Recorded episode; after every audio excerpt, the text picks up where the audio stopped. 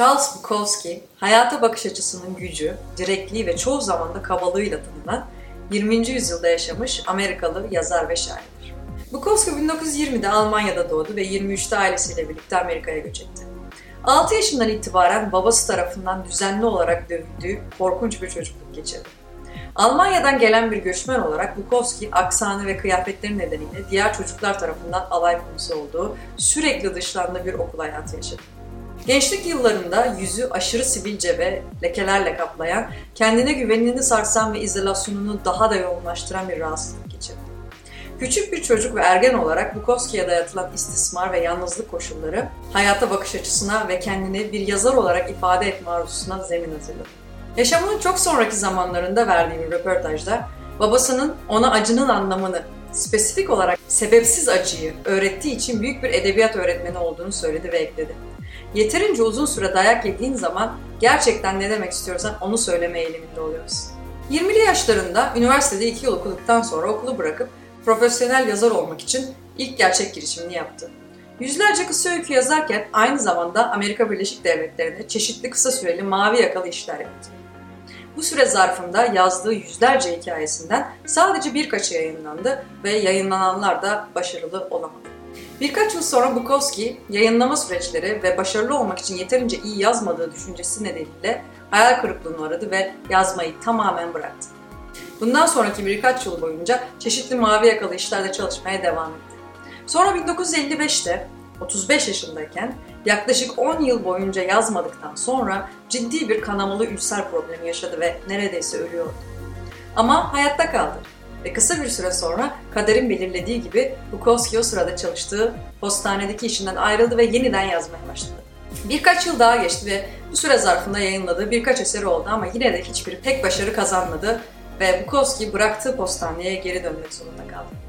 Öncekinden farklı olarak Bukowski bu sefer postanede çalışırken bir yandan da yazmaya devam etti. Vardiyasından önce yazmak için ne kadar vakti varsa kullanır. Çünkü uzun yıllar bu işe devam edecek, dergilerde, sağda solda yayınlanan eserlerden oluşan bir koleksiyon olacaktı. Hepsi de çok az başarı sağlamıştı. Sadece yazarak geçimini sağlamaya çalışan Bukowski, gerçek bir başarı, para ya da şöhret göremeden yıllarca işinden önce neredeyse her gün yazmaya devam etti. Bukowski'nin hikayesinin nasıl bittiğini hepimiz biliyoruz. Şu anda onun hakkında bir yazar olarak konuşuyoruz. Ünlü, başarılı ve ölümünden 10 yıllar sonra hakkında konuşulacak kadar önemli biri. Tüm zamanların en büyük yazarlarından biri olarak kabul ediliyor. Bununla beraber Bukowski 50'li yaşlarına kadar ve postanede çalışmaya geri döndüğü ikinci seferden sonra uzun yıllar geçmesine rağmen herkesin bildiği şekilde bir başarı sağlayamamıştı. Sadece çok uzun süre ve sürekli yazmaya devam ettiğinden nihayet bazı takipçiler tarafından fark edilip takdir edildi. Ve ancak çalışmalarını finanse etmeyi kabul eden bir yayıncıyla yapılan anlaşmadan sonra Bukowski yazarlıktan bir şekilde geçimini sağlamaya başladı. 50 yaşında geleneksel kariyer çizelgesinin sonunda Bukowski ilk gerçek şansını yakaladı. Ve her şeyin bitmiş gibi göründüğü bir sırada onun için daha yeni başladı. Bundan sonra çok geçmeden edebiyat dünyasında ve genel olarak kültürde giderek daha başarılı ve ünlü oldu. Bukowski'nin yıllar yıllar boyunca yazması, çabalaması, emek verip denemesi sonucunda koşullar onun lehine sonuçlandı ve böylece ivme kazanıp bir yazar olarak başarı elde edebildi. Gençliğinden beri istediğini başardı ve hayat amacı olduğuna inandığı şeyi gerçekleştirdi. Bu açıdan bakıldığında bugün Bukowski'nin mezar taşında deneme yazması şaşırtıcı. Bir mezar taşı için oldukça gaddar görünen bir mesaj olmasının yanı sıra aynı zamanda kendi hikayesine de aykırı. Kendisinin hayat amacını gerçekleştirmede böylesine başarılı olan bir adam bunu nasıl yapar? Biraz zaman almasına rağmen amansız çabası nedeniyle sanatında büyük saygı ve takdir bulan biri nasıl olur da deneme sözünü son nasihati olarak bırakabilir? Belki de sadece Bukowski'nin çalışmasında değil, hayatında da en önemli fikrin bulunabileceği yer burasıdır. Bukowski, yayıncı ve yazar arkadaşı William Packard'a yazdığı bir mektupta pek çok yazar ünlü olmak, zengin olmak ya da saçlarında mavi çanlar olan kızlarla sevişmek için yanlış nedenlerle yazıyorlar. Her şey en iyi şekilde gittiğinde sen yazmayı seçtiğin için değil, yazmak seni seçtiği için yazarsın. Ona kızdığın için, kulaklarına, burun deliklerine, tırnaklarının aralarına dolduğunda, ondan başka umut kalmadığında, Bu mektupta Bukowski gelecek vadeden yazarlardan bahsediyor gibi duyulsa da aslında muhtemelen çok daha büyük bir şeyden bahsediyor. Amaç, başarı kavramı ve genel olarak yaratıcı çabalardan. Çocukken birisi sana ilk defa en sevdiğin rengin ne olduğunu sorduğunda ve mavi mi kırmızı mı olduğuna karar verdiğinde bu bir seçimmiş gibi gelir. Ama gerçekte değildir. Çünkü hiç kimse renklerin kendilerini nasıl hissettirdiğini ve neden bazılarının beyne diğerlerinden daha iyi duygularla resim yaptığını seçemez.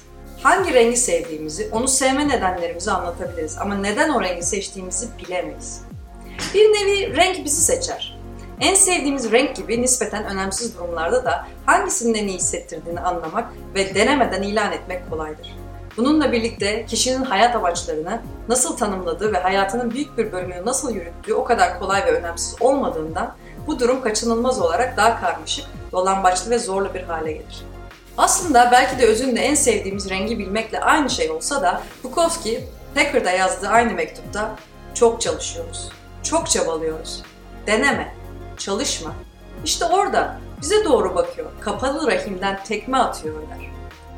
Burada Bukowski eğer bir şeyi umursamaya çalışmak veya bir şeyi istemeye çalışmak zorundaysanız, denemek zorundaysanız belki de onu aslında umursamıyorsunuzdur fikrini atıfta bulunuyor. Belki de onu istemiyorsunuz. Belki de o senin en sevdiğin renk değildir. Bukowski hayatı boyunca sürekli olarak hep yazmaya geri döndü. Sesini asla başka bir şey uğruna azaltmadı veya değiştirmedi. Süreç boyunca reddedilmenin veya acı çekmenin nihayetinde yazmayı ondan almasına asla izin vermedi. Bukowski denememezlik yapmadı. Sadece olmadığı bir şey olmayı denemedi. Yazar olmaya çalıştı ama yazar olmayı istemeye ya da yazmak istediği gibi yazmaya çalışmadı. Sadece yaptı ve yaratıcı bir şekilde yapmaya devam etti. En verimli halimiz doğal, dürüst ve kendimiz gibi olduğumuzda gerçekleşiyor gibi görünüyor. Herhangi bir art niyet olmadan gerçekte olduğumuz gibi olup gerçekten söylemek ve yapmak istediklerimizi yaptığımızda. Zorlanmadan veya çok fazla düşünmeden. Belki de kısmen Bukowski'nin kastettiği budur. İşin doğrusu Bukowski'den başka hiç kimse Bukowski'nin gerçekten ne düşündüğünü veya ne demek istediğini tam olarak bilemez. Ve bunların hiçbiri amaç, tutku, arzu ve başarı gibi zor ve karmaşık kavramların kolay veya reçetelendirilmiş olduğunu öne süremez. Çünkü değiller. Tüm bu kavramlar ve dahası bütün bu sistemi tasarlayan beynimiz kadar belirsiz ve karmaşıktır. Yazmak, film yapmak, resim, müzik yapmak, ticaret yapmak gibi aktivitelerin onları yapanlar için doğru olması için yazara, film yapımcısına, ressam, müzisyen veya iş insanına kolay gelmesi gerekir anlamına gelmiyor bu. Ancak süreç boyunca reddedilme, zorluklar ve fedakarlıklarla karşılaşıldığında çalışmanın verdiği acı ve ona tahammülün buna değmeyeceği düşüncesi hakim geliyorsa belki de Bukowski'nin denemeyin dediği noktadasınızdır. Eğer o şeyi yapmama düşüncesi süreç boyunca potansiyel olarak çekilebilecek acıların düşüncesinden daha fazla acıtıyorsa, onsuz bir hayat düşüncesi ya da onu hiç denememiş olmak sizi korkutuyorsa, size sizin aracınızla, sizin dışınızdan neredeyse denemiyormuşsunuz gibi geliyorsa, belki burada Bukowski deneyin der. Eğer deneyecekseniz sonuna kadar gidin. Charles Bukowski. İzlediğiniz için teşekkürler.